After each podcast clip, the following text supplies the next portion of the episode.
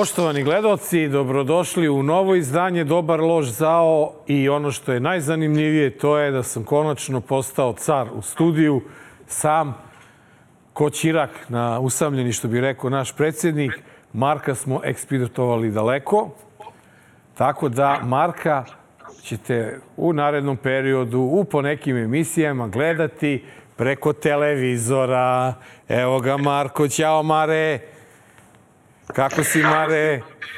Ćao, Nešo, hvala ti puno na ovom uvodu. Ja sam znao da ćeš ti jedno dočekati, da ovaj, caruješ u studiju i da, da, da ne upadamo jedan drugom u reč, nego da kolegijalno samo ti govoriš, a ja da ćutim i da budem lep. Ovaj, evo ovako, da, da, da prvo kažem o čemu je reč. Dobar lož zao je prvi podcast u istoriji Srbije i u istoriji srpskog novinarstva koji je pod zaštitom Međunarodnog PEN centra.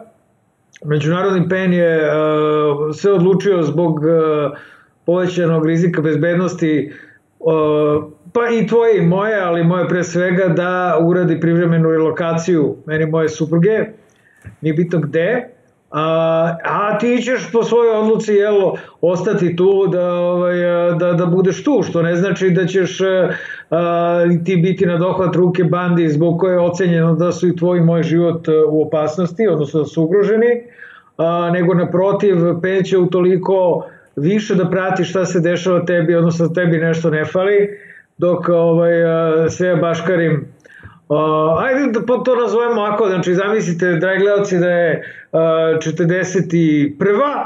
i da sam ja kralj, ovdje ne znam što on kaže da on car. Zna se ko je ovde kralj. Ja sam kralj, dakle ja sam zapalio London, a Neša je uh, Čiča i Čiča je pukovnik Mihajlović ostao ovde uh, da prosto čeka ovaj uh, naše iskrcavanje naših saveznika na Jadran i e, šta ja znam, ne nisam baš ja toliki ovaj, kralj kao onaj iz 41. moram da vam kažem da Uh, neću neprekidno biti u, što bi rekao Boško Obradović, političkom, političkoj emigraciji, jer ovo nije to, ovo je privremena relokacija zbog ugrožene bezbednosti. A, nego ću da iznenadim neki put i vas i neprijatno Nenada i da dođem i u studiju. A kad, to ne znam ni ja sam. E sad, to nije sve. Ima još nešto. Nenad ima tešku upalu pluća. ne šalim se uopšte. Da. Da, dakle, evo samo da kažem, da pošto se zna da u našem ovaj podcastu sve, sve je otvoreno i sve je iskreno i sve je jasno kao dan, dakle jasno kao dan da ja nisam tu i čućete uh, jasno kao noć Nenadov kašalj. Tako da ako čovjek krene da kaše u nekom trenutku, ja ću pričam neki vic.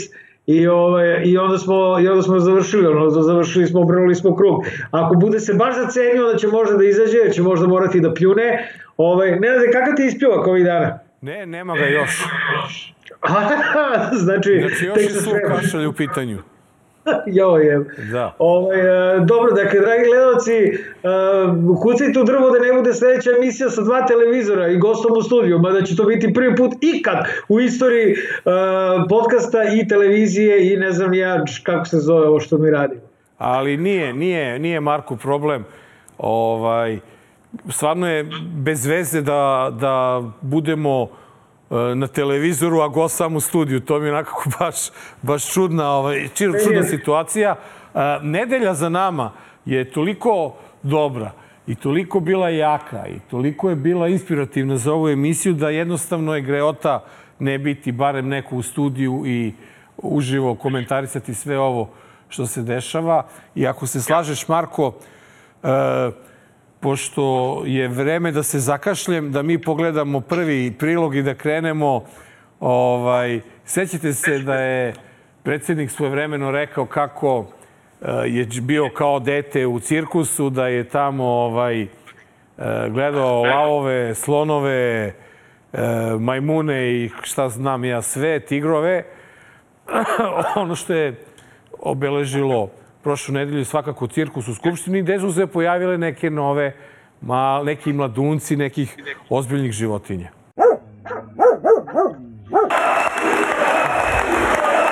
Apsolutno sam saglasan. Više puta ste počinili najtežu izdaju i pri tome ostajete. Uz povike izdaja deo opozicijonih poslanika je počeo da izlazi iz skupštinskih klupa. Kosovo je srce Srbije, saglasan. Samo ne znam što ste ga prodali i predali.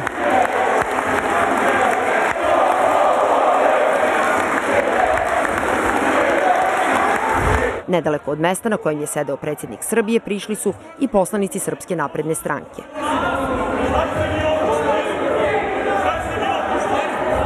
Verbalno neslaganje iskazano i fizički.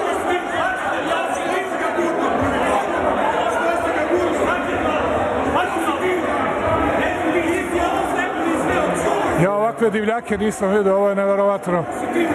Sram vas bilo šta radite, sram vas bilo šta radite. Sram vas bilo šta radite.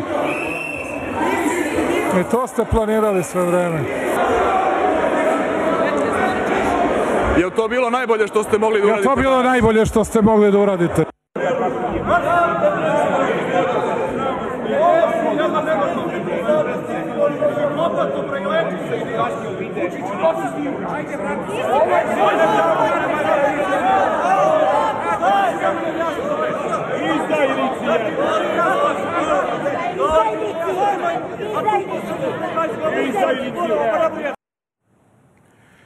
Aman.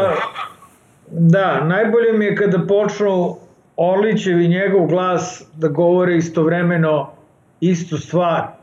Znači, to ni ti ni ja ne bismo mogli da ovaj, tako odradimo. Uh, pa puno je... Uh, ova, ova sednica Skupštine je bila toliko odvratna i toliko loše nameštena. Uh, video sam go gosta, by the way, tamo u prvom redu. On je vikao, kogo se ja shvatio, incident sa izdaja, izdaja i to su započeli desničari, njegovi desničari. Možda vidjet ćemo da li Boškić njegov, ali ova ekipa jel, za koju ovaj, osnovno sumnjamo da je ili Wagnerovska ili njegova. On je njima vikao da su, oni su vikali iz, iz, izda, ono, izdaja, izdaja, onda je on potvrdio da, vi ste izdali Kosovo. Dakle, on nije pojma imao šta govori. A, a siguran sam da je izrežirao barem četiri petine onoga što se dešavalo. Nemam pojma ko je učestvovao i kakav je incident bio, zašto su svi ustali, to ćeš mi ti Nenad objasniti. Šta, ko, znači, uh, tu su bili ovi, tu je bila ekipa, bila sam Boškića, bili su ovi valjda Poksovci, verovatno DSS, ne znam, zavetnici od kojih je odmah sedam osmina zapalilo ovaj, u SNS posle ovoga i, i e, bila je Narodna stranka. Ostali su sedeli sa strane i jeli kokice. Ja tako? Mislim, ne znam evo šta više da kažem u, u, u ovom sada. Idemo na repliku, pa replika na repliku. Malo kulture u dobar loš zao. Da. da. Suština je bila da su opozicioni poslanici tražili e, povredu poslovnika i Orlić im nije dao i onda su oni zato stajali sa e, onim knjigama Ustava i e, poslovnika i tražili su i vikali to što su vikali i to je u jednom trenutku i dovoljno iziritiralo e, poslanike Narodne stranke jer ako se vidi po snimku nisu se poslanici zaleteli ka Vučiću, nego su se poslanici napredne stranke zaleteli ka opoziciji. Jer se to desilo na strani gde bi trebalo da bude opozicija. Znači nije opozicija uletela u da kažem, u vidno polje vlastima, nego je bilo obrnuto. Ovo je svakako situacija koja odgovara Vučiću i Vučić je to svesno iskoristio. Ono što nije mogo da, da predvidi, to je da ga nešto, ali to ćemo i kasnije u Magarećem kutku, nije podržao SPS u toj nameri da ustaje, da aplaudira, da krene da se bije, da ga brani, kao da je najvažnija stvar u ovoj zemlji i u bilo kojoj od institucija braniti Vučića.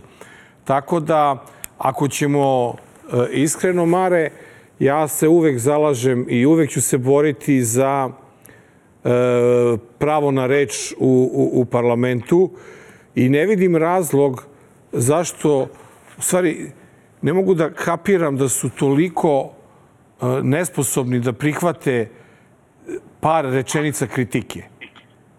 To je, to je, to je, to je toliki absurd u, u našem parlamentu da ih toliko ima puno i ne mogu i onda su svesni da na, spremni da naprave haos zarad eto nekog boljeg cirkusa. Kaže. Da li e, su oni dakle napravili haos zbog par reči kritike ili su oni planski napravili haos u skupštini? Dakle, otišli su u skupštinu i rekli su, slušaj, čim krene neko sranje, čim krene neko da kenja po, E, Marko nam je... skačite, ovaj ti ovano, brate, vi ostale, uh, vi ostale mrcine, skačite ovaj, i, i, i uh, branite me. Znači ono, branite, urlajte, tucite se i, uh, i, i to je ono što je, ovaj, uh, piše me ovde Poor Network Connection. Jebote, to ti kad sam Da, na, na, na, e, to, to, je, to je, Mare, e, svakako vidi, ako je neko spreman i ima scenarije i ima to predviđanje situacije, to, to su naprednjaci, tu nema dileme. Ali ono što je meni najveći problem u celoj toj priči, što on dva dana skupštinskog zasedanja o Kosovu nije spomenuo reč o tome šta je ideja Srbije, šta je plan i nije objasnio ono što nas je sve zanimalo, a to je šta znači njegova iskazana spremnost da prihvati principe i da e, radi na e, implementaciji e, pomenutog, odnosno predloženog sporazuma Velike petorke. Tako da je to bila jedna poprilično zanimljiva zabava za milione, gde smo mogli da prisustvujemo e, direktnom prenosu moždanog sloma jednog čoveka. Taj čovek je potpuno izgu, pogubio konce. Kad ga neko pita za Kosovo, on mu pokazuje neke slike, vadi neke dokumente, nešto priča. Znači, apsolutno, apsolutno je napravio cirkus od te skupštine, a oni to su lepo ispinovali, sve su lepo organizovali da to ispadne njihova pobeda, da su oni jedini koji brinu, da su ovi ne dao Bog, tako dalje, tako da sve u svemu zemlja, država i mi, stanovnici ove države, nikakvu korist nismo imali od tog odvodnenog zasedanja. Da, to je, to, je, to je upravo ono što sam ja pre nego što krenuo i da mi ovaj, miniraju i sabotiraju mrežu, ono što sam ih hteo da primetim, a to je da a, se vratimo na prošlu epizodu od kojoj smo se pitali da li će on u Skupštinu doneti taj plan, Ili da. da li, da li ćemo mi čuti i videti taj plan. Naravno, to se nije desilo, on to nije ni planirao da uradi.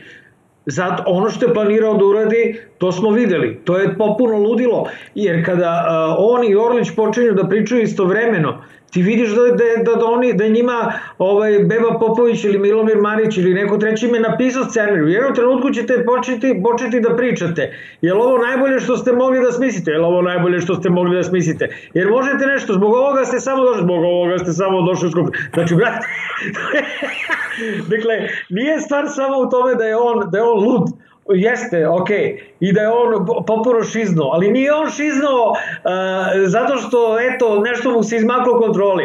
On je šizno u sred sprovođenja sobstvenog plana u Skupštini, u tome je problem. Razumeš, on nije Da. mogao da iznese, znaš, krenuo je da se izvodi plan i on je bio znači, a, šta ću sad, a, i onda je Orlić uleteo i počeli su da pričaju sinhrono, razumeš, E. e. identične stvari. A Jebote. znaš samo šta je meni čudno u celoj ovoj priči? A ne znam da li ste primetili i vi gledate. Vučić je ponovio Orlićeve reči, a ne Orlić Vučićeve. Što mi je veoma zanimljivo. Neko je tu izgu- izgubio kompas. To ti kažem. Ja, zato je Orlić, uh, pod jedan predsednik Skupštine, jer on upravlja dakle sednicom, dakle on on on rukovodi sednicom i zasedanjem. Jer čime može Vučić da rukovodi, jebote on rukovodi samo flašom alkohola jebote. On ne može, nema nema načina da rukovodi više bilo čim drugim. To ćemo videti tek. A ovaj, dakle, Orlić koji rukovodi sednicu Skupštine, ovaj, on dakle vidi da njemu na dnevnom redu, ovde dnevni red piše i zbog ovoga ste i došli. Je li ovo najbolje što možete svi... I onda posjeća ovog Bilmeza, razumeš ka, šta je scenariju. Znaš, ono, ni, kao, ni, ni, ti ni ja nismo jedno drugog posjećali šta nam je scenario. I prvi put sam ikada pisao scenario o... Pa da, ispalo je, ispalo je, ispalo je da je e, Orlić sufler u stvari Vučiću. Sad treba da ide ovaj deo šefe, jer je to najbolje što ste mogli da pokaže. E, bio mu uključen mikrofon, pa, ali uh, jedan od pravih dokaza ludila koje kako da kažem, okupiralo našeg predsjednika je svakako činjenica da je na toj sednici pominjao i neke podcaste. I zato ste mogli da slušate bezbroj ovih laži iz raznih tabloida, besmislenih mreža, sumanutih ludaka koji upravljaju nekakvim podcastima i ne znam kojim čudima sve, bukvalno. Pošto niko to ne sme da kaže, jer se svi svima dodvoravamo. Bukvalno ludaka, zato što normalne ljude neće niko da gleda. Nego ljudi hoće da gledaju ludake, a onda počnu da veruju ludacima. Pravim ludacima. Sa šifrom iz ludnice. Zato što ti ludaci imaju najviše lajkova. Njih najviše hoće da gledaju. I onda mi dođu u skupštinu pa mi ponavljaju njihove gluposti. I valjda Pa on prvo lupeta. E, prvo, znači evo nekoliko materijalnih grešaka je napravio. Uh, ako je mislio na nas, a ja mislim da nije, znaš, zato što evo, evo zbog čega. Prvo, uh, nas ne gleda najviše ljudi. Ima i, i televizijskih emisija čije YouTube preglede gleda više ljudi nego ovaj podcast, bu, Buđevi. Možda je mislio na Agelasta. Ja mislim da je na njega mislio. On je ovaj najgledaniji podcast, Prema tome, eto, to je, on je imao i 500.000 neki put gleda. Mi, brate, 100 soma sa svojih 100 soma, on ne može da kaže za naš podcast da je naš podcast e, najgledaniji e, i da smo mi ludaci odbegli iz ludnice, jer ludake neko najviše voli da gleda. Nas svakako ne voli najviše svako da gleda, najviše vole da gledaju Jovanu Jeremić, pa ludaka koji upravo ovo izgovorio, pa ne znam ja jebi ga koga Agelasta vole da gledaju i slušaju ako ćemo podcastima. Nema koji podcast nije gledaniji od naš bre Nenade. Tako da ja ovo mislio na nas, nije mislio na nas, mislio je na Agelasta. Znači, nema šanse da mislio na nas. Ludaci odvrli iz ludice, jeste, ok, rekla je za tebe jednom i za mene par puta da smo ludaci, i, i vodili su te neke kampanje da nismo normalni kao da smo za lazu, ali ovom prilikom mislim da je ili mislio na neke imaginarne prijatelje svoje ili na svoje prave prijatelje ili na samoga sebe. Jer nas definitivno ljudi ne, ne vole najviše da gledaju. Naš podcast Mislim, sad ja, ja znam Nena da ti ne voliš kada ovo se priča javno. Evo neka odu ljudi, jebi ga, neka vide kolika nam je gledanost. Koga, šta je? Tadić, je li prešao Tadić 100.000? Ne. Još nije. Nije prešao! Nije. Pa jebate! Znači, okej, okay, pređe nam po neki 100.000, ovaj Boškić danas, brate, nema šanse prevali 50.000, već, već da se napušavaju zbog njega onoliko. Dakle, mi smo bezbedni što se tiče ovog predsednikovog govora. Dobro, Šta ti misliš? Znači, znači neće, da nas, neće da nas ludilo potkači, međutim, o tome da je kompletna atmosfera u parlamentu bila krajnje ludačka, je e, dokazi ovo što je uradio Dragan Marković Palma. pod staklenim zvonom lagano bi se ugušili. Poštovane da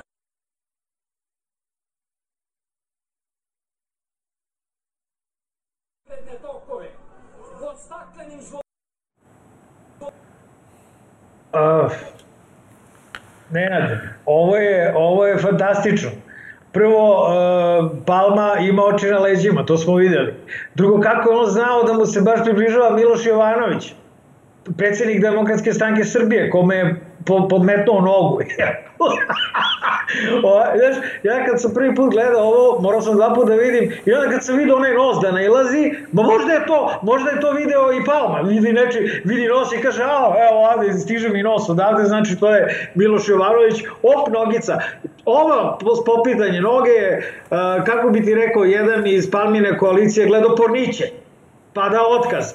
A ovaj, Palma je samo sapleo onako šeretski, znaš, kao da su u jednom velikom odeljenju u kome vlada jedna opšta zajebancija, u kome je ovaj, razredni starešina jedna pijandura, to, to, to bukvalno tako jeste, van kontrole, i znaš i sam kako tako odeljenja kako izgledaju. To, brate, mili, imaš uvijek nekog Palmu koji će da saplete nekog Miloša Jovanovića, se tako zove ovaj iz DSS-a. Da. I šta ti misliš o tome, Nešo? Pa vidi, mislim, Meni nije jasno posle ovakvog poteza člana koalicije SPS Jedinstvena Srbija da je nastao haos u, u SNS-u i više vredi ta, ta palmina noga nego svi oni aplauzi i sve ono što se aplaudiralo. Tako da ne znam uopšte zašto se ljute posle ovakvog poteza. Kaže. Čekaj, stani. Pa znači, posle palminog, posle palmine ovaj, cipele je krenulo sranje. Pa, ili Cipela ili Pornić, biraj.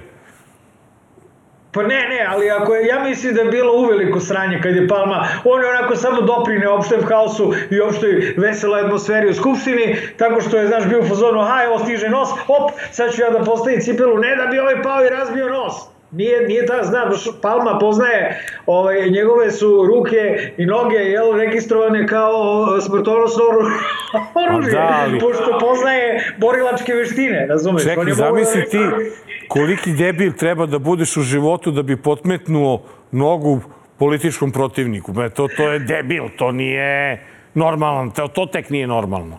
Pa Ajde, ovaj... To, meni je to smešno, iskreno nisam ni siguran kolike su Palma i ovaj DSS-ovac politički protivnici.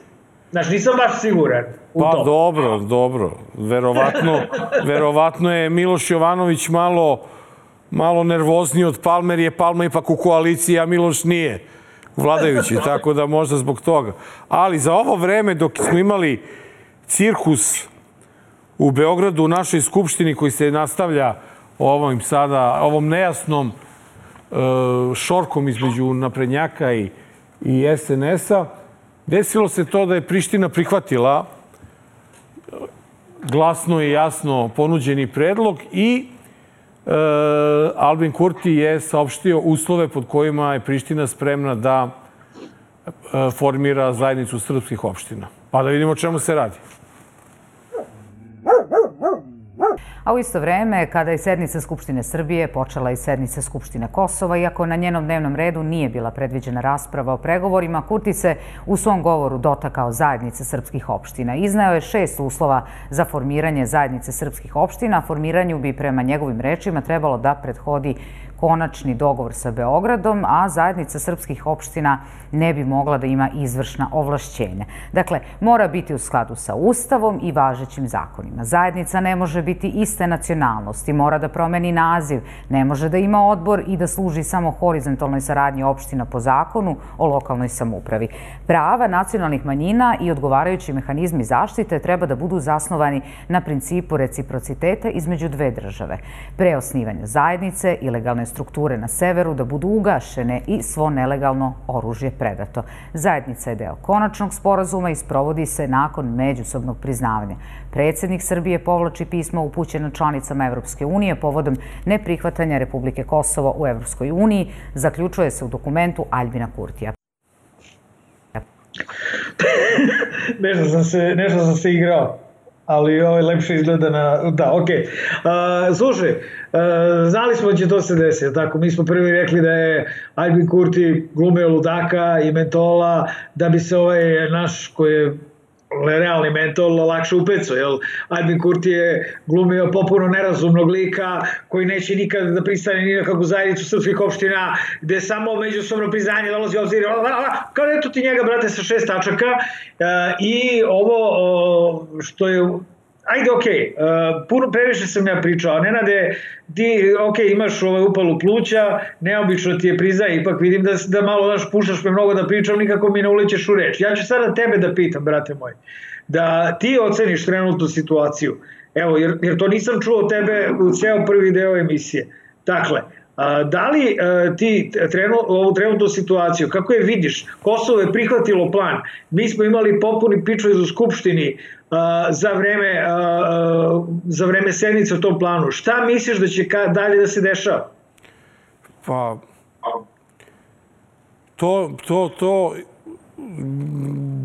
potpuno mi je nejasno šta, šta će da se dešava. Mi imamo, koliko ja vidim, tri mogućnosti. Prva je mogućnost da to prihvatimo, što je u prvi mah izgledalo kao i gotovo, jer je e, Vučić 20. januara izašao i rekao Srbija je spremna da prihvati principe i da prih, radi na e, implementaciji ponuđenog sporazuma. Ako njegova reč zavisi više, više vredi od nečije zakletve, to meni znači da je on taj sporazum prihvatio. I tako su glasile vesti koji su objavljene iz Beograda. Međutim, od tog trenutka do početka Skupštine Srbije za zasedanja nešto se desilo. Šta se desilo ne znamo. Taj sporazum petorke je postao uh, non-paper, neki nezvanični dokument i tako dalje. Uh, on jednu reč o toj spremnosti Srbije nije rekao na sednici parlamenta. Ja mislim da je Kurti prihvatio ovaj sporazum samo iz jednog razloga. Nada se da ga Vučić i Srbija neće prihvatiti i isto ono što je uradio Franjo Tuđman kad je bio plan Z4 za krajinu. Kad su došli stranci i rekli alo bre čoveče prihvati ti Srbi neće i bit će još gore. Tako mislim da je neko rekao Kurtiju vidi ovaj nam rekao ali ne veruju mu prihvati ako oni ne budu prihvatili bit će još gore po njih. Tako da se ja plašim da ćemo mi u toj nekoj konačnici opet nadrljati i opet proći loše, mnogo gore nego što možemo da pretpostavimo u ovom trenutku. Dobro, ovaj, ja ne znam šta da mislim, zato sam tebe pitao. Pa kažem ti, potpuno je, potpuno, ne, ne, nema logike na koji da se okrenemo. Nema, nema. Jedino logika na koju možemo se okrenemo to je da reklamiramo danas i novu. Ja ću prvi da krenem, a ti maši danasom. Danas, dakle, naše uh, najbolje novine, uh, novine u kojima svakog radnog dana možete čitati moju kolumnu, u kojima Utorko možete čitati Nenadovu kolumnu. Danas novine koje su najveće nacionalno papirno blago koje možete naći na kioscima zato što te novine ujutru idu tamo gde treba i gde ne treba. Mnogi će zbog toga da se ljute i njihov realni tiraž zbog toga premašuje 250.000 svakog dana po mojoj slobodnoj proceni. E. Sad, a, sad nova. a druga novina su nove novine, mlađi brat velikog danasa ovaj, Šarene, novine što bi se reklo, nemojte nikada da prestanete da čitate novine, koliko god primamljivo bilo ovo na ovim klikovima i to, nema lepšeg osjećaja nego kad uzmete novinu, pa okrenete posljednju stranu, pa vidite Marka, pa negde u sredini vidite ovoga Nešu, tako da je to milina. A Mare, ima samo jednu malu obavez, e, ako si spreman da podelimo jednu zanimljivu informaciju, e, nećeš verovati šta nam se desilo. Elem, zvali su nas neki ljudi koji rade u nekim jedinicama policije, kao neki specijalci, neki žandarmi, neki ono, nije obična policija, da nam se pohvale povećanjem koji su dobili na osnovu one Vučićeve priče, kako ćemo da imamo ovaj specijalce koji će imati 3000 evra i tako dalje. E, dragi prijatelji, tih 3000 evra je palo na 3000 dinara. znači, jedna ekipa je dobila, znači oni, hajde da kažemo, oni obični ljudi koji nisu komandanti, znači snaga, oni su dobili povećanje od 1000 i po do 3000, a ovi starešine, njihove povećanje od 15 do 20 hiljada. Ekonomski tigar Kanda malo posustaje. Pozdrav za braću u policiji, u specijalnim snagama, u žandarmeriji. Sve dok ima DLZ, a vi ćete biti uvek ispoštovani od nas, ako i vi budete ispoštovali nas na ulici, ili tako, Mare? Nisi pomenuo ovaj, kolege, ovaj, ovaj, kako zove, iz BIA? Ne, BIU ne znam. Za BIU ne znam. Pa ne, mislim, red je da i njih pomenemo. A da pomenemo njih, dobro, oni su naši neposredni saradnici. Je. Neposredno. Tako je, znaš, tako je. Vode računa nam. Ali pazi, ti specijalac jedan koji sutra treba da ide na to Kosovo, on je dobio povećanje od 3000 dinara. Neće taj da ide na Kosovo, Pa specijalac će da neće, ide sad tek neće da ide. Specijalac će da ide na građanina, zna se gde specijalci, na koga su specijalci. E, ali evo, braći specijalci, da znate da smo mi građani koji smo imali petlju da objavimo tu informaciju, da se solidarišemo sa vama, pa no, no onda na ulici posle da nam se nešto desi. Ajmo mi na džingl pa da konačno dođe gost da popričamo o istorijskoj situaciji u Srbiji. Dobar. Loš. Zao. Dragi gledalci, dobar loš zao, jedina emisija, odnosno jedini podcast u Srbiji koji je pod zaštitom Međunarodnog PEN centra. Ja se nalazim na sigurnom, Nenad ima up, upalu pluća, Ove, nije smešno, mislim, žalostno je, ali ovo je smešna emisija, pa i da se smemo. Uh, naš gost, novopečeni deda, i po 100.000 prvi put, ja se nadam da se nisam zajemo, o, i po 100.000 prvi put u Dobar loš zao, lider dveri, Boško Bradović Boškić, dobrodošao u Dobar loš zao. Bolje vas našao. Mare, ćemo da ga cepamo. Pa, jel si postao deda, Boškić, jesi ja nisam zeznao? Jeste, postao deda pre nedlju dana. Je pa deda nek je sa E, srećom! deda! Hvala momci, hvala. Nek je živo i zdravo i tako. Amin Bože da i vama želimo da se ostvarite u istoj ulozi jednog dana. Čekaj, polako, more, stani, bre, vidiš, jebote da bežimo na sve strane, kućeš sada još i unuke da pravimo i to, nego ti nama, Boškić, reci, evo jebote, šta sada da ga pitamo, ovaj, jel si nunao to? ne, šta da ga pitamo, a da se odmah ne zakrivimo. Ovaj, uh, uh, ajde da ga pitamo ovako, šta misliš, Boškić, posle prihvatanja Kosova, odnosno Albina Kurtija, francusko-nemačkog plana, kakva je situacija u Srbiji? Dakle, kakve su tvoje informacije, pa ćemo posle da pričamo o tome kakve su tvoje informacije, šta će Aleksandar Vučić uh, uraditi? Moja procena, naravno, koju, za koju nemam dokaza, već iz svih raspoloživih podataka izlačim zaključak, jeste da Aleksandar Vučić očekuje da dobije bilo koji format zajednice srpskih opština sa kojim bi mogao da izađe pred srpsku javnost kao da je ispregovarao nešto veličanstveno, a da za uzvrat potpiše sve što mu traže što se tiče francusko-nemačkog sporazuma, koji je suštinski priznanje lažne države Kosovo, odnosno priznanje njenog ulaska u sve međunarodne organizacije, čime oni zaokružuju nezavisnost koju nemaju. Jer da oni zaista imaju nezavisnu državu, pa što bi nas pritiskali da mi to priznamo ako su nezavisni i ako su samostalni. Dakle, potrebno im je da Srbija to prizna ili da na različite načine počnu da ulaze u sve međunarodne organizacije gde im je najvažnije Ujedinjene nacije. Dakle, Vučić teško može da potpiše, a da ne dobije baš ništa za uzvrat, jer onda ulazi u istoriju na talasu Vuka Brankovića, Vuka Draškovića i ostalih Vukova. A ako mu daju bilo šta sa čim bi mogao da u marketinškom smislu glumata da je to diplomatski izdvojstvo kao neku veliku pobedu, opet novih 5-0 Marka Đurića, onda bi možda i mogao da potpiše ono što ne sme da se potpiše i što je kršenje ustava. A da li misliš da je ova sad situacija, dakle, e, imali smo ludnicu u Skupštini, ko, koju si ti sam kumovao, jeli? Ovaj, imali smo, uh, imamo zapravo iz dana u dan popuno kontradiktorne i popuno nejasne izjave uh, samog Aleksandra Vučića koji je na sebe preuzeo i pregovore i, i rezultat pregovora o Kosovu. Imamo sad odjednom najavu varednih izbora, imamo odjednom Ivicu Dačića u Americi, čoveče, znači život prolazi brže od nas, mi ne možemo da povatamo šta se sve dešava, da li će SPS ostati u koaliciji, da li će neko drugi ući u koaliciju. Uh, hoću da, da, da, da znam, a ti sigurno znaš bolje od mene, da li je ovo sve samo cirkus. Dakle, tebi se čini da je ovo sve samo cirkus i da li uopšte postoji neki pritisak uh, za koji ti misliš kao da je moguće izvršiti na Vučića, na primjer pritisak iz Moskve, da ne prihvati uh, plan uh, Francusko-Nemačka.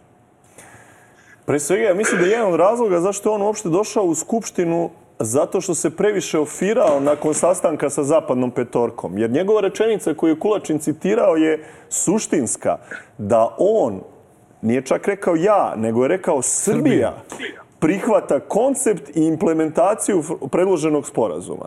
Znači, on je sebe poistovetio sa državom izlazeći iz svojih ustavnih ovlašćenja, ni sa kim se ne konsultujući i ne dogovarajući, prihvatajući da primeni sporazum za koji je sam u više navrata rekao da sadrži antiustavne i neprihvatljive elemente. Kada je to eksplodiralo u javnosti, bila je potrebna skupštinska sednica u kojoj bi se on prikazao kao koliko toliko patriota koji ipak nije spreman da izda Kosovo, nego će se on boriti na tim pregovorima i neće dozvoliti baš formalno priznanje. A onda, i to čini mi se vas dvojica niste primetili u ovom vašem uvodu, onda je on izgubio svaki autoritet na sednici Narodne skupštine onoga trenutka kada su poslanici ustali i pokazali mu da ga se ne boje, da su spremni da mu kažu sve što misle, da će braniti svoja prava koje im Orlić ugrožava i da će se suprostaviti bilo čijem pokušaju kapitulacije izdaje Kosova i Metohije. I vi vidite Vučića koji sedi okružen kerberima iz Srpske napredne stranke, svađa se sa patriotskom opozicijom, vređa sve nas, nemoćan u nekoj svojoj na izgled onako rupi iz koje ne može da izađe i ne može da reši po prvi put on ne može da izdominira onako kako je navikao da dominira svuda i na svakom mestu, jer nigde nema opozicije. I prvi put on suštinski e, gubi autoritet i zato doživljava toliki problem sa tom situacijom, jer nije više onaj svemoćni Vučić kome niko ne sme ništa da kaže, zato što nikoga inače u toj sali nema, pa samim tim ne može niko ništa da mu kaže, kao na njegovim konferencijama u predsjedništvu i ostalo. Dakle, verujte, onaj trenutak u Skupštini kada je došlo do takozvanog incidenta, što nije bilo ništa drugo nego naša odbrana naših poslovničkih prava na repliku i svega drugoga što nam je Orlić uskraćivao, je trenutak početka rušenja Vučićevog autoriteta. I ovo što vidimo ovih dana, ja mislim da je samo pokušaj spašavanja tog autoriteta koji je narušen nakon sednice Narodne skupštine. Ali šta vidimo ovih dana? Videli smo ono što nismo videli u Skupštini, to je SPS u bilo kojoj od uloga, ali vidimo ovih dana SPS u, u, u odnosno lidera SPS u Americi. I drugo, izvini Boškiću, svo poštovanje ovaj, prema onome što ste vi radili, meni to delovalo, brate, fake. Ali bez zezanja mi je delovalo kao da je deo dogovora. Znači, možda ne svih vas, jer e, ne znam ono na primjer šta bi Narodna stranka radila tu negde? S tobom ćemo tek pričati o tvojim o avanturama a, e, posle bojkot izbora jer ti si prošao tu sad razne neke faze nismo se dugo videli. A, ali brate delovalo je nekako fake samim time što Vučić i Orlić imaju identičan namešteni govor. A to što je Vučić izgubio autoritet ja ne bih rekao da ima veze sa Skupštinom. To je prosto njegovo prirodno stanje i sa i bez Skupštine ja bih rekao u ovom trenutku Ne, ali vas dvojica ste upali u jednu kontradiktornost koju želim da ukažem. Dakle, e, ako je sve namešteno, zašto Vučić doživljava, kako ste nazvali, moždani slom u nameštenom, u napred pripremljenom scenariju? Nije logično. Dakle, e, on, je, on je suštinski izgubio konce te sednice, koji su njemu trebalo da budu jedan novi pokušaj njegovog jeli, dominiranja nad svima nama, gde će Orlić sprečiti svima nama da mu odgovaramo, on će kao tata i razredni starešina nama da drži predavanja, a Orlić će sve da nas pošalje u ćošak kada imamo pravo na repliku. Kada smo mi pokazali da to neće moći tako ovoga puta, inače neće biti sednice, onda, su, onda je pukao taj autoritet. Jebi ga, ne mogu da te prekinem, ali maho sam rukama, nisi me video, ne znam kako, pogled koliki sam, ovaj, ali ono što sam i rekao u prethodnom e, delu, to je da je on pukao mentalno i pre, a i sad malo pre, da je on prosto izgubio autoritet i da je pukao mentalno čak i kada treba da se nešto namesti. On više nema, zato što ima znaš, mnogo toga na pameti. On mora da misli o, ovaj, o, o detetu Danilu, on mora da misli o bata Andreju, on mora da misli o Beli Vuku, on mora da misli o raznim stvarima, kojima, o, ko, koje ga tište u ovom trenutku i s kojima moguće vrlo trguje u ovom trenutku, a ne samo Kosovom kojim je očigledno istrgovo i onda znaš nešto što se čini banalnim, aj kao, znaš, evo ja zamišljam da su njega pripremali za skupštinu, bili su zonu matori, samo nemoj sada da piješ, molim te.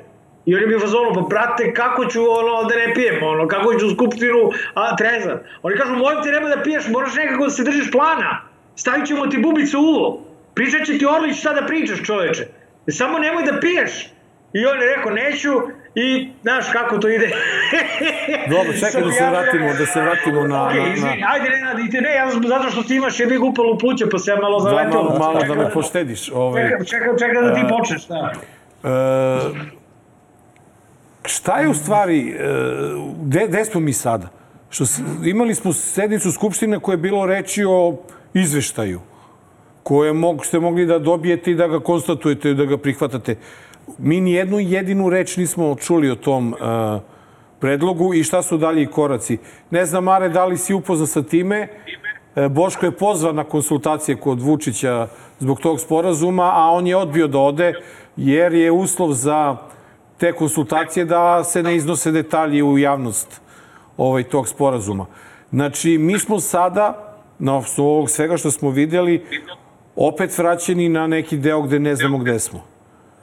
Tako da li ćemo mi da prihvatimo taj sporazum ili nećemo, šta je, de, na šta bi se kladio sad u ovom trenutku? Pa evo, ajde da budemo, da probamo da budemo objektivni. Mi smo ovde trojica protiv jeli, Vučića ili protiv vlasti i oni nemaju svoj glas, pa evo da ja probam da se potrudim da budem objektivan. Dakle, ja sam da se razumemo podneo krivične prijave svoje vremeno i protiv Vučića i protiv Vulina i protiv svih drugih koji su se zalagali recimo za razgraničenje, za priznanje okupacije dela naše državne teritorije. Dakle, ja sam potpuno uveren da je sve od briselskog do vašingtonskog sporazuma antiustavno i zrelo za krivično gonjenje i da je to rad protiv interesa države Srbije. Ovo je sada neka završna faza u kojoj to nije bilo dovoljno onima sa zapada koji žele da sada po nekom hitnom postupku završe ovu priču.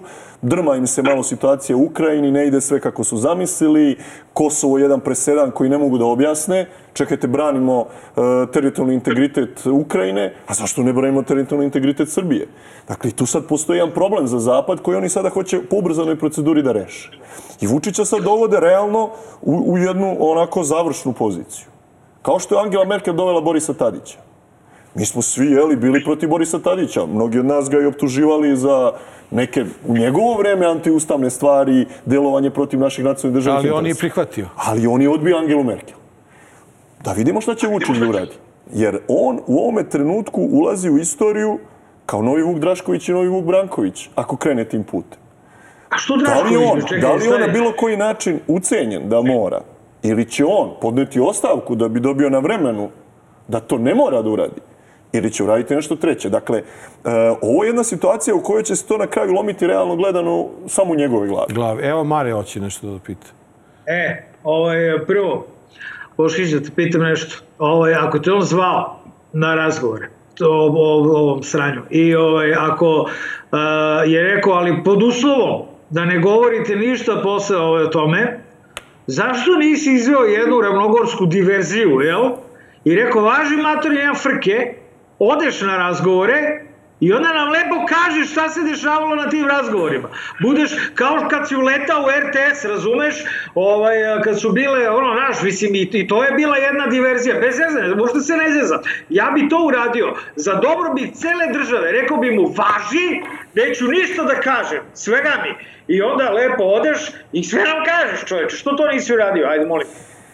Pa zato što moraš da se razlikuješ. Ako kritikuješ je. jednu vlast koja radi neke stvari koje su neprihvatljive moralno ili na bilo koji drugi način, ne možeš da se koristiš istim metodama. Dakle, moraš da se razlikuješ. Tvoja reč mora da znači nešto. Ako si rekao neću izlaziti u javnost, jer je to neki viši interes, neću izlaziti u javnost. Znači, zato to nismo prihvatili, jer je ovde upravo najviši interes javnosti da konačno čujemo šta je sadržaj svega toga i što bih ja imao jedini uvid, a prihvatio da o tome ne govorim javno kada zapravo je suština da svi saznamo. Ne može jedan čovjek ili jedna lista da odlučuje o Kosovu i Metohiji. Moramo da vidimo šta je na stolu, Ali čime do nas sada su odlučivali. Tako je. Oni su odlučivali o svemu. Nikada ni o čemu nisu pitali parlament. Niti čuli da nekim, niti organizovali neke konsultacije. Sve su sami donosili odluke. Tako je, to bio jedan paradoks sednice, ne znam da li ste ga primetili. Vučić je jednom trenutku rekao kako je on, dok je bio opozicija, glasao za ne znam koliko rezolucija i deklaracija koje je predlagala tadašnja vlast. Što je tačno. Jer je zaista u vreme te vlasti se uvek raspravljalo o Kosovu i Metohiji i donošeni su neki zaključci u formi rezolucija i deklaracija.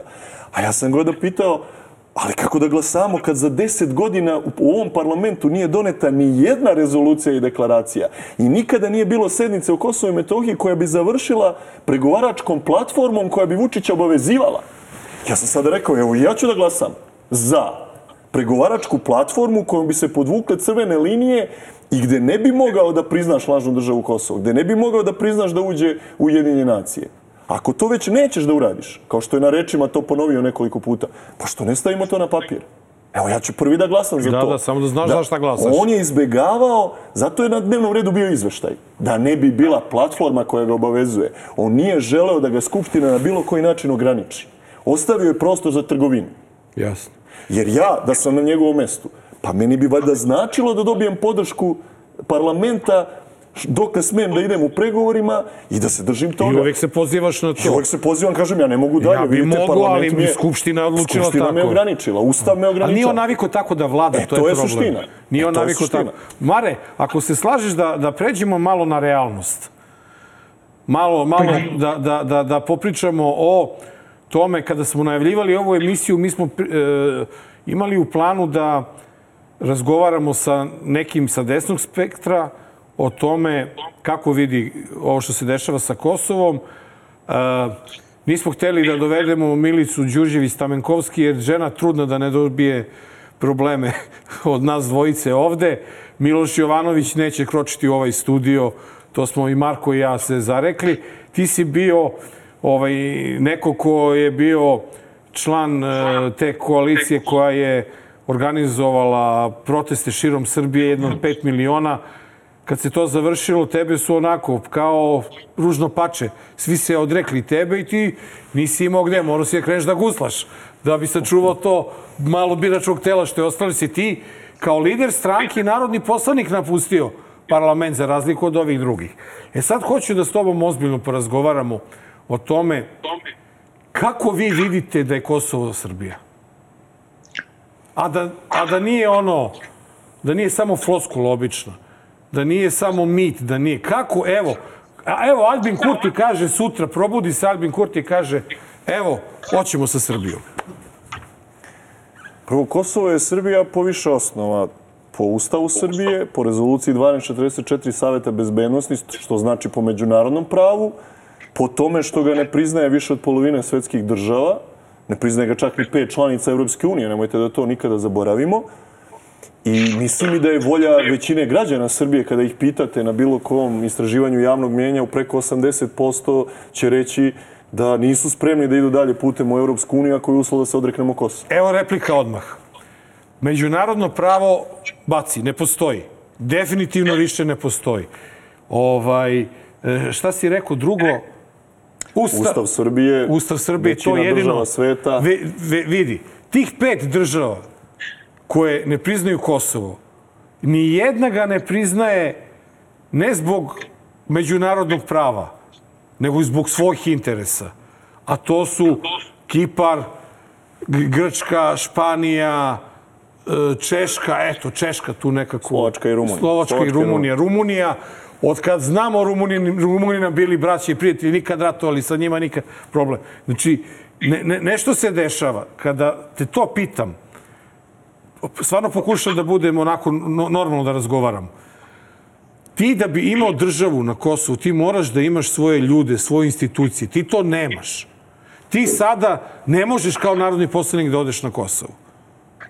Treba tražiš dozvolu da bi ušao, u, ušao uh, u svoju zemlju. Pritom, imaš uh, koliko uh, Srba koji su se potpuno kao Srbi u Vukovaru svoje vremeno žive na Kosovu. Žive tamo, žive zahvaljujući toj državi Kosovo, jer tamo dobijaju neke postisaje, nešto se dešava i tako da. Znači, oni koriste ove tablice koje mi nećemo na severu Kosova koristiti. Znači, život je sasvim nešto drugo. Ja znam i vidi, ja, ja sam prvi koji ne bi potpisao nikad nezavisnost Kosova. Ne bi potpisao da sam predsednik, nema bilo šanse. Ali o svemu drugom, prvenstveno, kada je reč o onim ljudima koji žive, bi razgovarao dole. Naravno da je situacija Srba koji žive na Kosovo i Metohiji veoma teška, ali ne možemo zaboraviti tu predistoriju. Kosovo je pod okupacijom. Dakle, e, nakon NATO bombardovanja države Srbije, odnosno tadašnje Savezne republike Jugoslavije, došlo je do bukvalne okupacije dela naše državne teritorije. Dakle, suprotno međunarodnom pravu, bez saglasnosti Saveta bezbednosti jednih nacija. Dakle, se to je to slažemo. početak umiranja tog međunarodnog prava. Dakle, mi sada imamo jednostavan izbor. Da se saglasimo sa NATO bombardovanjem i NATO okupacijom i kažemo u redu, Pa imate zar se pravo. nismo Kumanovski sporazum saglasili sa Pa tim? nismo. Zato što Kumanovski sporazum podrazumeva rezoluciju 1244 1200 koja priznaje Kosovo i Metohiju kao sastavni deo Republike Srbije i koja čak dozvoljava i onih hiljadu pripadnika srpskog državnog osoblja koji treba da se vrate na Kosovo i Metohiju. Pa smo onda imali sever Kosova i Metohije na kome nije stupila nogom nijedna institucija separatističke vlasti u Prištini do dolaska Aleksandra Vučića. To je Dakle, imali smo, reći. pazite, to, to je sve predistorija. Pa onda tek sa Vučićem Rosu prvi put ulazi na sever Kosova i Metohije i počinje okupacija iz severa. Dakle, e, stvar je da li se mi povlačimo i da li mi odustajemo. U trenutku kad 27 država sveta povlači priznanje nezavisnosti Kosova, kada neke geopolitičke okolnosti idu nama u susret, čekajte, pa zar se nije američka vojska povukla iz Afganistana? Pa ja potpuno mogu da vidim Pa projekciju jeste, da će ali- se povući sa Kosova i Metohije ali- za 5, 10, 15 Ali u godina. Afganistanu su i ginuli, imali probleme sa ISISom i posle rata i sve. Ovde imamo mirnu situaciju na Kosovu. Pa tako je, ali imamo nove geopolitičke okolnosti. Dobro, ali... Amerika, samo ovo je veoma važno, Amerika nije više jedini svetski policajac kao 90. koji može da interveniše, bombarduje i radi šta hoće na planeti. Nego i Rusiji. Ne samo Rusija, više zemalja BRICS-a. Dobro, a šta I će- Brazil, i Indija, i Kina. Dobro, i šta, Brazil će da brani e, Srbe na Ne, Kosovu? ovako stoje stvari. Znači, po, nastao je jedan novi međunarodni poredak. Amerika nije mogla da bombarduje Siriju, nije mogla da bombarduje Rusiju, nije mogla da se meša u Ukrajini direktno, kao ni NATO. Znači, jedan, sada se uspostavlja jedan poredak u kome već mora malo da se razgovara, malo da se dogovara, malo da se poštuje međusobno. I u takvom jednom poredku doći će do neke nove geopolitičke podele sveta u kojoj će se onda reći koja zona kome pripada, ko ima većeg uticaja i šta ako se mi obremo u recimo ruskoj zoni. I dogovor između Rusije i Amerike bude povlačenje američke vojske sa Kosova i Metohije i povratak Ali e, taj Kosova i dogovor- Metohije u puni ustavnopravni pored države Ali taj Srbije. dogovor može da usledi i ako Kosovo bude članica Ujedinjenih nacija, ako, i ako nije. Naše je da mi na to nikada ne pristanemo, jer je to ono što njima nedostaje. To je suštinsko pitanje. Zašto oni nas pritiskaju da mi nešto potpišemo ako je Kosovo Pa nezavisno? zato što imaju problem sa Rusim, Rusijom i Ukrajinom. Dakle, ajmo da im malo pravimo veći problem onda. Što bismo i mi olakšavali A problem. što bi mi pomagali Rusima umjesto pomognemo sebi? Ne, ne mislim tu na Ruse. Ja sam u vojno-politički u tom smislu neutralan. Mi ne treba da se mešamo u velike svetske sukobe, ali treba da vidimo gde su naši interesi, gde su naši saveznici, gde su naši prijatelji. Evo, Mare. Evo, ja bih voleo da, da napravimo sa Amerikom prijateljske odnose. Zašto Sjedinje američke države sarađuju sa albanskim narodom umjesto sa srpskim narodom koji je najveći na Balkanu i koji je najveća država na Zato što Balkanu? imamo Vučića i Dačića na, na vlasti. Pa čekajte, da postavimo to pitanje. Ja nemam taj problem. Meni je svejedno da li je sever, zapad, istok ili jug. Hoćete li da priznate Kosovo kao sastavni deo Srbije? Vi ste naš saveznik. Ovaj, mislim da je problem druge prirode.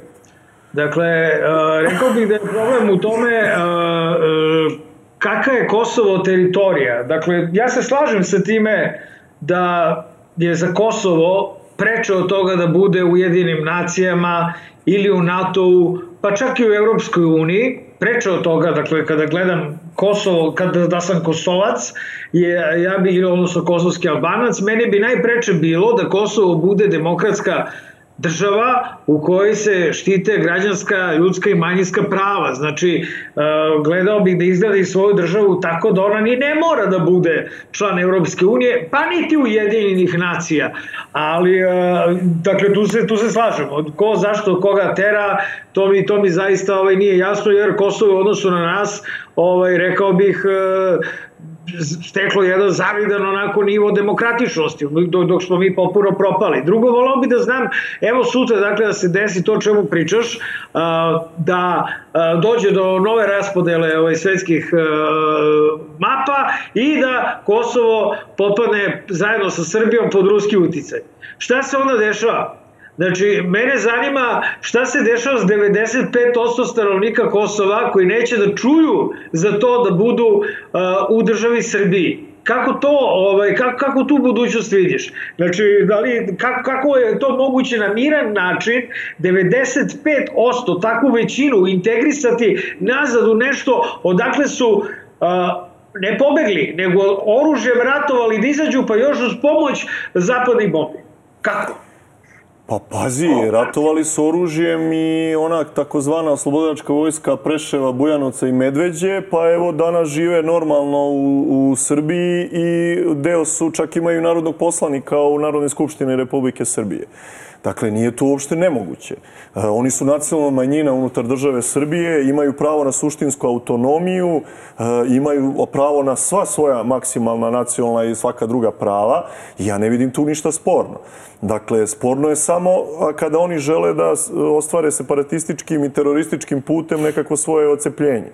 A da žive da unutar bi... države Srbije ne vidim ništa sporno, kao i sve da druge nacionalne manjine. Ovaj da li bi, uh, dakle, uh, pristao, na primjer, evo sad maštam, dakle, ono, razmišljam o tome, pošto će ti oni reći kao ono, druže, mi smo to već odradili, nisu to naše maše separatistička maštanja, to je naša realnost, jer mi smo, ono, 99. ratom krvlju ovaj, oslobodili Kosovo, kako bi ti oni rekli, onda bi rekli, mi smo 2008. proglasili nezavisnost Kosova, priznali su nas najjače, odnosno najjače države Zapada, ajde tako da kažemo, I, uh, uh, dakle, šta, kako oni mogu da se, da li bi ti, Bošić, na primjer, pristao na neku zajednicu nezavisnih država sa Kosovom, na neku konfederaciju Srbije, Srbije i Kosova sa zvezdicom, na neku vrstu uh, uh, kompromisa. Ja ne mislim da, da ovde postoji, ni ovde ni tamo, da postoji ikakva volja čak i za takim kompromisom u gde bi Kosovo kao teritorija s 2 miliona i više stanovnika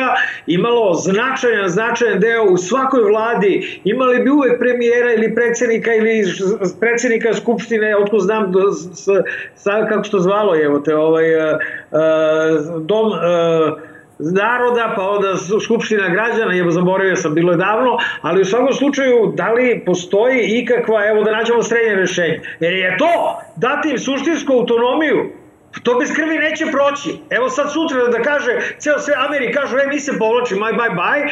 Ovaj, Rusi kažu, do jaja vrh, izvolite, šta će sad se desi? Desit će se opšte krvoproliće, bojim se. Ali, evo, dajde prvo nađemo kompromis. Da li postoji kompromis?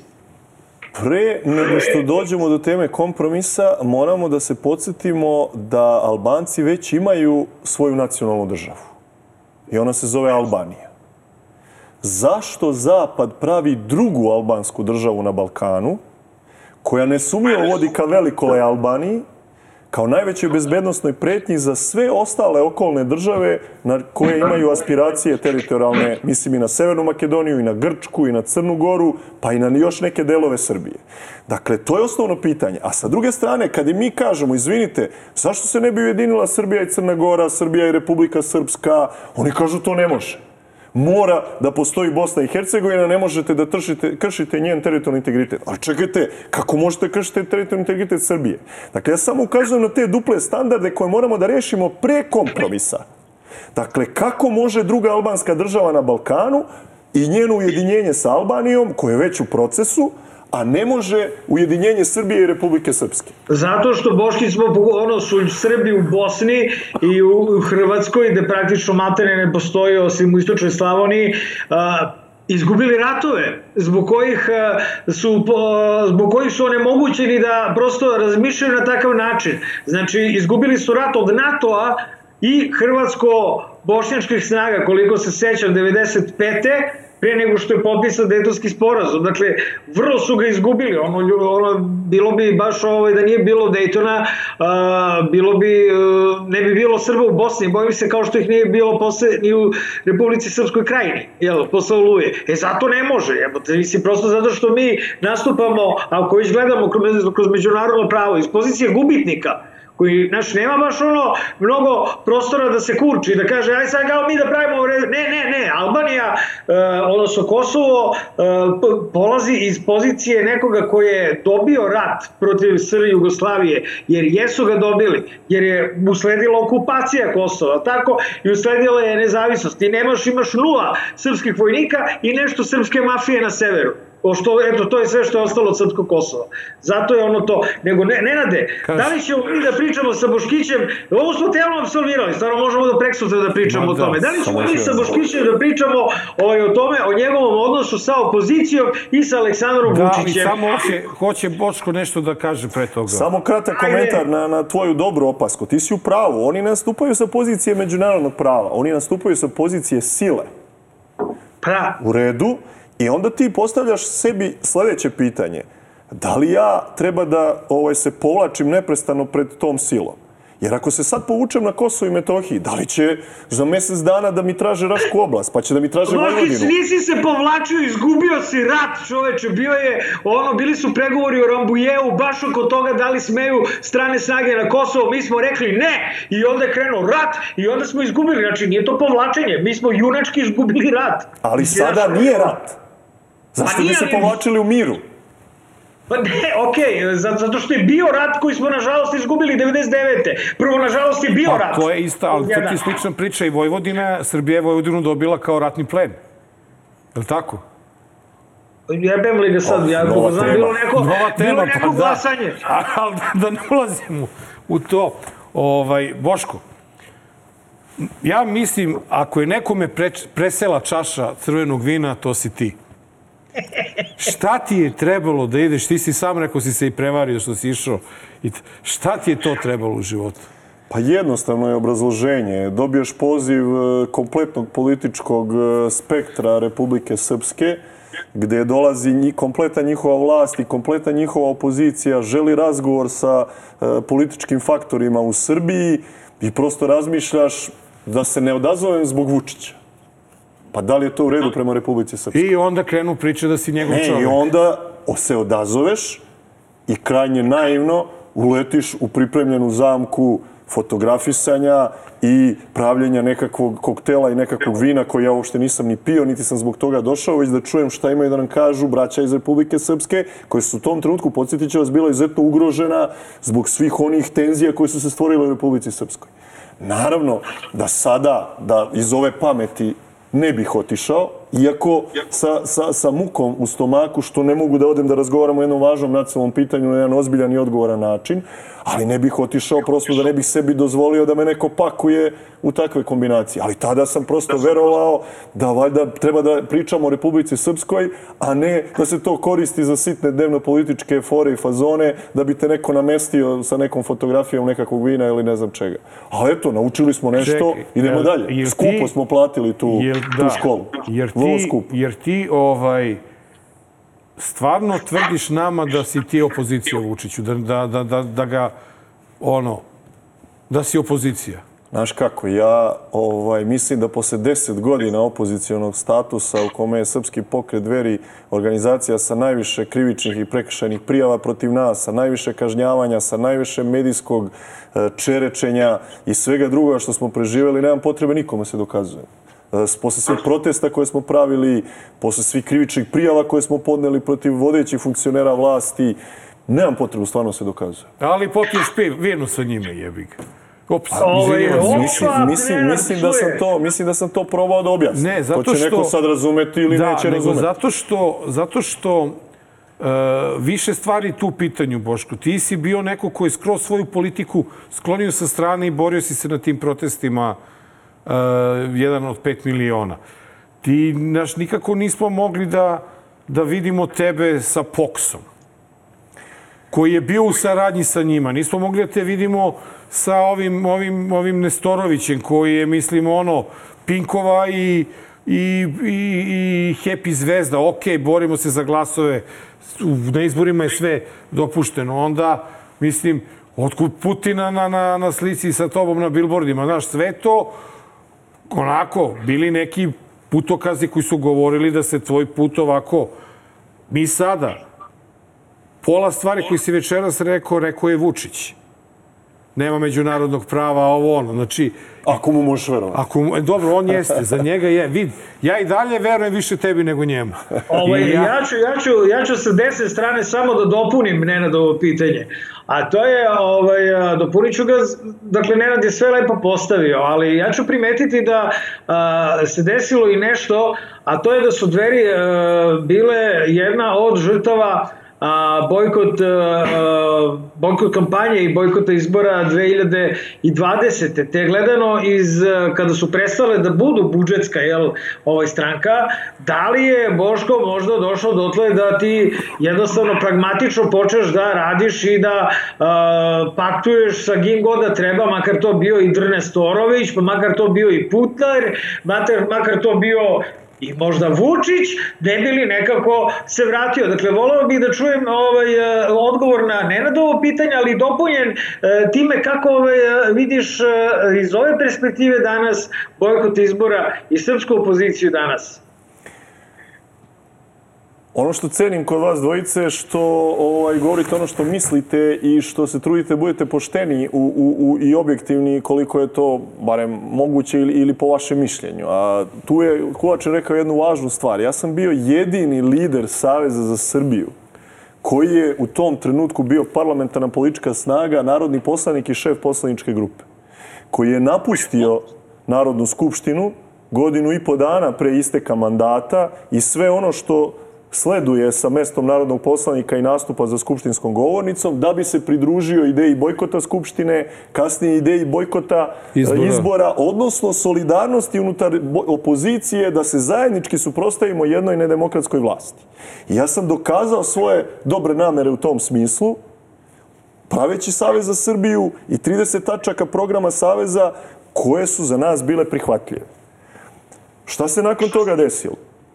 Desilo se nakon toga da je neko ukinuo taj savez, da je krenuo nekim drugim putem, vidimo da se taj put danas završava, a u međuvremenu su se promenile geopolitičke okolnosti, došlo je do ukrajinske krize i više na srpskoj političkoj sceni nije pitanje samo da li si za ili protiv Vučića.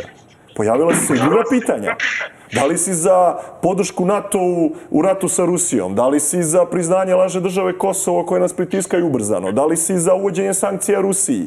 Da li si za organizaciju gej parada da to Srbija bude prestonica evropske gej parade?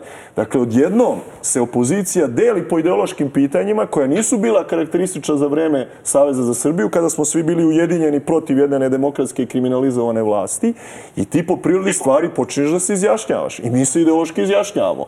I nismo se mi nigde vratili, niti smo bilo šta promenili. Mi smo se samo izjasnili po svemu onome što je karakteristično za našu politiku već 23 godine Mare. koju nikada nismo menjali. Mare, ako se slažeš, nama Boško duguje još jedno dobro gostovanje gdje ćemo mnoge teme da ispeglamo koje je on pomenuo. Ovo je bila situacija u Kosovu koja je stvarno najvažnije. Složit ćemo se i sa tobom i sa svima drugima da je pitanje oko postizanja sporazuma sa Kosovom najvažnije. E, Ako dozvoliš samo završna uvod za sljedeću emisiju. Da. Znači, šta je srpska politička scena danas? Imate sa jedne strane... Pa imamo ceo magareći kutak čovječe. Evo, evo, rečenica, rečenica. Vrlo kratko. Imamo s jedne strane. Vučića i aktuelni režim, imamo prozapadnu opoziciju koja bi kao da nekako uz pomoć Zapada dođe na vlast, a da sprovodi sličnu politiku koju sprovodi Vučić u mnogim segmentima. I imamo ovu patriotsku državotvornu opoziciju koja je, videlo se i na sednici Narodne skupštine, jedina prava Ti opozicija veruješ da Vučićevoj je to politici. iskreno?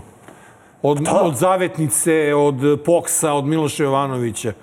Ja mislim da apsolutno ni jedna nacionalna stranka sebi ne sme da dozvoli da, da, da nema jasan stav po pitanju odbrane i očuvanja Kosova i Metohije. To bi bio Dobro. njen kraj kada bi Ajmo, to ajmo, pitanje. ajmo na pitanje sa Twittera. Major Gaspar te pita da li se zalaže da nivo ličnih političkih sloboda u Srbiji medijskih bude kao u bratskim slobodarskim državama Rusiji, Kini, Iranu, Severnoj Koreji. Srbija je realno negde između istoka i zapada. Nisam oduševljen ni istokom ni zapadom. E, Ali ali, zapadna gledam, ali, gledam, ko, je- ali gledam ko su nam prijatelji. Znači, ko nas nije bombardovao, ko nam ne oduzima deo teritorije, ko nas ne ucenjuje ni pritiska, i to su mi prijateljske zemlje. Ne mešam se u njihova unutrašnja pitanja koji je stepen kod njih demokratije ili bilo čega drugoga. To je pitanje za njih. Ali Ali gledam da si u Rusiji, gde je naš interes. Da si Rus i da si u Rusiji i da vodiš opozicionu stranku, da bi ti bilo prijatno da živiš. Pa da sam Rusiji i da sam Rus, e, smatrao bih da je aktualna politika ruskog državnog rukovodstva To, ispravna. to je okej, I ali glasao bih čekaj, za tu čekaj. stranku, ne bi bio opozicija. ali šta je sa opozicijom koja ne postoji jadna, koja je zabranjeno da postoji, Pa znaš šta, koja se hapsi i ubija? To je pitanje koje zadire u ozbiljna unutrašnje ustrojstvo Rusije kao jedne imperije, jedne, jedne ogromne države koja funkcioniše na sebi svojstven način. A i dalje Dakle, može li se na njih primenjivati zapadni standardi? I zašto bi na sve države sveta morali da se primenjuju zapadni standardi bilo Ma čega? zato što je normalno da imaš pravo na svoje mišljenje, da se boriš za njega ako hoćeš da se baviš politikom. Ne, i, Pa da, ali ja recimo, recimo imaš ovaj, takvo svoje mišljenje uz pomoć zapadnih para kojima želiš da promeniš neke stvari u Rusiji i da nametneš Rusiji zapadne standarde E, života. Boško, Boško, toliko zato tih što- para, bre, što prošlo. nije-. Niko nikada, evo, kolike Nenade. godine radimo, bre, koliko sam novinar, nigde, bre, ja te pare nisam video, bre. Ima nešto što je moje lično uverenje, za što se ja zalažem. Neka politika za koju se borim ako sam u politici. Nije sve, ja, ja nisam stvarno nigde video A te zašto pare. ja gostujem u tvojoj emisiji? Zato što to poštujem. Pa znam, Pa ne ali bi ti gostujem u kažem emisiji kod nema. Navalnog. A, da li je normalno da li je normalno, ovaj, kad već pričamo o tome, da novinar koji, eh, da novinar koji, koji eh, ima a, kritičko mišljenje o režimu, vodi svoj podcast sa televizijskog ekrana zaštićen od pen centra. Eto, je li to normalno, brate? Naravno da nije normalno. Pa da Rusiji je još gore, mislim, o tome ti kažem. Znači, pričamo o nekim elementarnim demokratskim slobodama kojih, kojih u Srbiji ono, do te mere nema, da su voditelji podcasta, i to ne najgledanijeg, nego negle, jednog od najgledanijih, ocenjeni e, kao život ugroženi. Obojica. Jel? A Tako pritom, da ono, mislim, a da svako imaš, ko- svoj, a imaš svoju situaciju u Skupštini gde ti ne daju da reaguješ po poslovniku. E, naravno, naravno, a nije ni zapad e, majčina dušica. Znaš, i tamo neki autori Wikileaksa, neki Snowdeni i neki ljudi koji hoće da otkriju istinu o onome što se zaista dešava na zapadu i što radi njihova duboka država, ne mogu baš slobodno da pišu, govore, rade i Ali nastupaju. može se desi promena vlasti veoma lako na izborima. Dobro. Mi smo Srbi demokratski narod i mi upravo baštinimo tu istu Pa to tradiciju. ti kažem, znači u Rusiji... Znači, mi imamo tu U Rusiji, tradiciju. ča, u, Crna, u Crnoj Gori se bre promenio, promenila vlast, u Srbiji ne može. A u tom smislu ja sam demokrata. Nenade, Ajmo na magareći kutak. nećemo valjda drugu emisiju bez magarećeg kutka. Ajde, ajde, ne, ne, daj nam, daj nam magareći kutak, dobar je, moramo da ga pustimo. Ajde, Idemo ajde, na moramo, magareći moramo. kutak.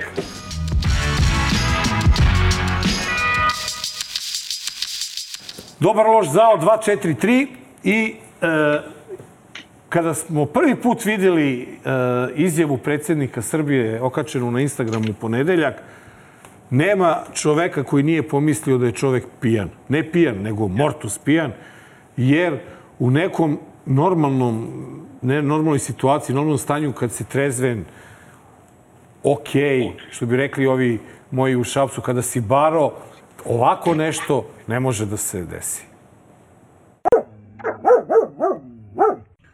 Narode srpski, građani Srbije. Zapadni agent Rada Trajković kaže da tražimo aboliciju za svoju porodicu, a ne spas za srpski narod na Kosovo i Metohiji. Laže. Laže kao i svi oni u Skupštini koji su govorili sve one besmislice. Brani me taman kao i moji koalicioni partneri. Zato narode, samo da imate u vidu. Moja porodica je ovde. Ostaće u Srbiji. Kao i ja. Nikoga se ne plašimo jer ništa ukrali nismo. Krivi smo jer branili smo Srbiju i branimo Srbiju. Branit ćemo Srbiju. Međusobno priznanje. Sanjajte. Živela Srbija. Se, se oni, svi oni polisjani nikad nismo. Ej, on je, on čak s, naviguje, on, on trepće s prvo s jednim pa sa, s drugim kapom, ovako, kao pravi pijanac. Znači, I čak se sli, slika u kafani. Kako Baš tebi deluje ovo? Reću vam jednu stvar koja možda će vas iznenaditi. Meni je Vučić najsimpatičniji u životu Kad je pijan. bio na onom vinskom sajmu Sajmu. na otvorenom 37 Balkanu, čašava. kada je realno popio malo više, ali kada je pokazao neku ljudsku crtu u tim razgovorima, u toj komunikaciji, bio je malo opušteniji, bio je malo, onako, rekao bih, normalniji. Nema ono, ne idem u WC ceo dan, ne izlazim Ja, iz sale. si vidio kako ne izdržao prvi dan, a? Pa znam, Mora ali da to, su, izađe, a? to, to su meni najveće moguće gluposti. Ne idem na odmor. Čoveče, opusti se malo. Živi život. Budi normalan. I zato mi je tad bio najsimpatičniji. I meni uopšte nije to toliko bilo strašno kao predsjednik nam se napio na otvaranju neke vinske manifestacije. Popio Pusti, malo više, popio. bio u redu. Šta se ovde desilo?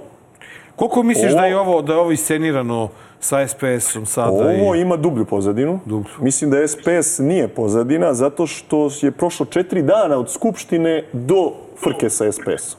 Znači da su oni toliko zamerili SPS-u njihovo neangažovanje u toku sednice u Kosovo i Metohiji, zamerili bi im to isti dan, sutra dan. Četiri dana su ćutali, desilo se nešto krupno iza, a onda su se vratili na SPS kao neku kolateralnu štetu da ih nagaze u tom trenutku, jer im je to za nešto drugo trebalo. Možda za skretanje pažnje javnosti, možda je Kurti prihvatio zapadni predlog, pa sad su oni na udaru, moraju i oni da ga prihvate, Da. možda u narednih 15 dana, možda se sve ubrzava. Nešto se tu drugo desilo iza. Evo, kako Mislim da ste... on odgovara Eskobaru. Escobaru. Jer Eskobar je rekao uh, francusko-nemački sporazum je međusobno priznanje. Da. Evo, ka, koja je posljedica tvog ponašanja i ponašanja patriotske opozicije na narod Srbije?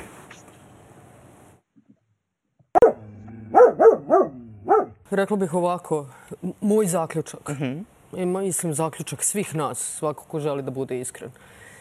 I oni koji vole Aleksandra Vučića i oni koji ne vole Aleksandra Vučića, posebno nakon ova dva dana u Skupštini, Boga mole da Aleksandar Vučić nastavi što duže da vodi ovu državu.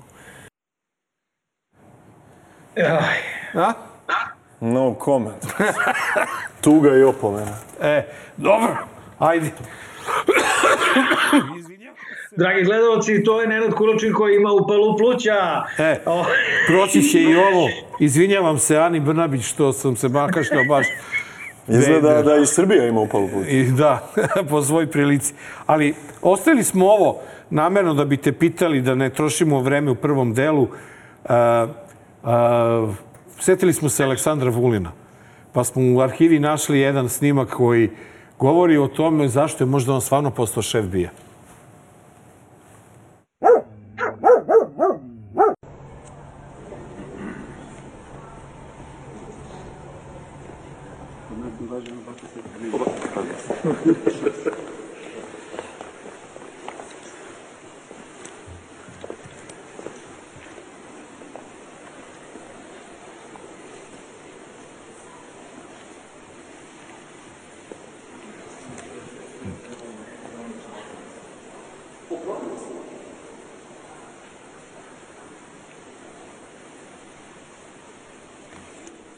Živa Srbija.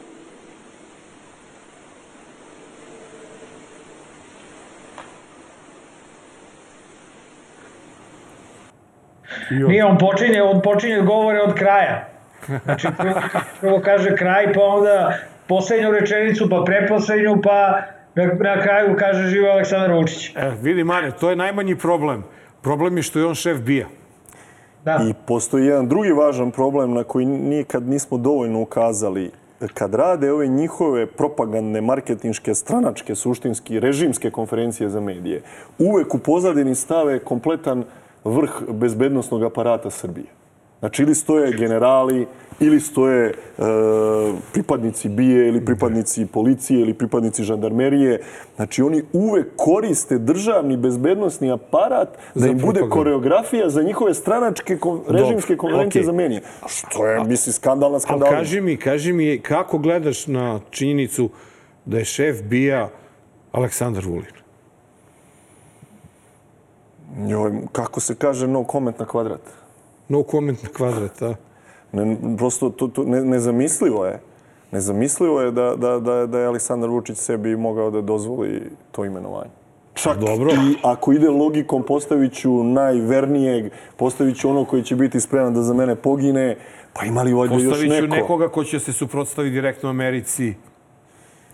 A šta? Ovaj, sve je moguće. Sve je moguće, sve je moguće ali, ali je prosto od trenutka kada su na glavne funkcije u bezbednostnom aparatu ove države na ministarska mesta počeli da dolaze ljudi poput Nebojša Stefanovića, Aleksandra Vulina, to je jednostavno postalo poniženje za kompletnu bezbednostnu kulturu pa, i institucije naravno. ovoga naroda i države. To samo se ne što, radi. Samo što tek sad možemo da nadrljamo. Ali e, ne brini Mare, ti si na bezbednoj lokaciji i mi možemo da odahnemo jer uskoro dolazi spas.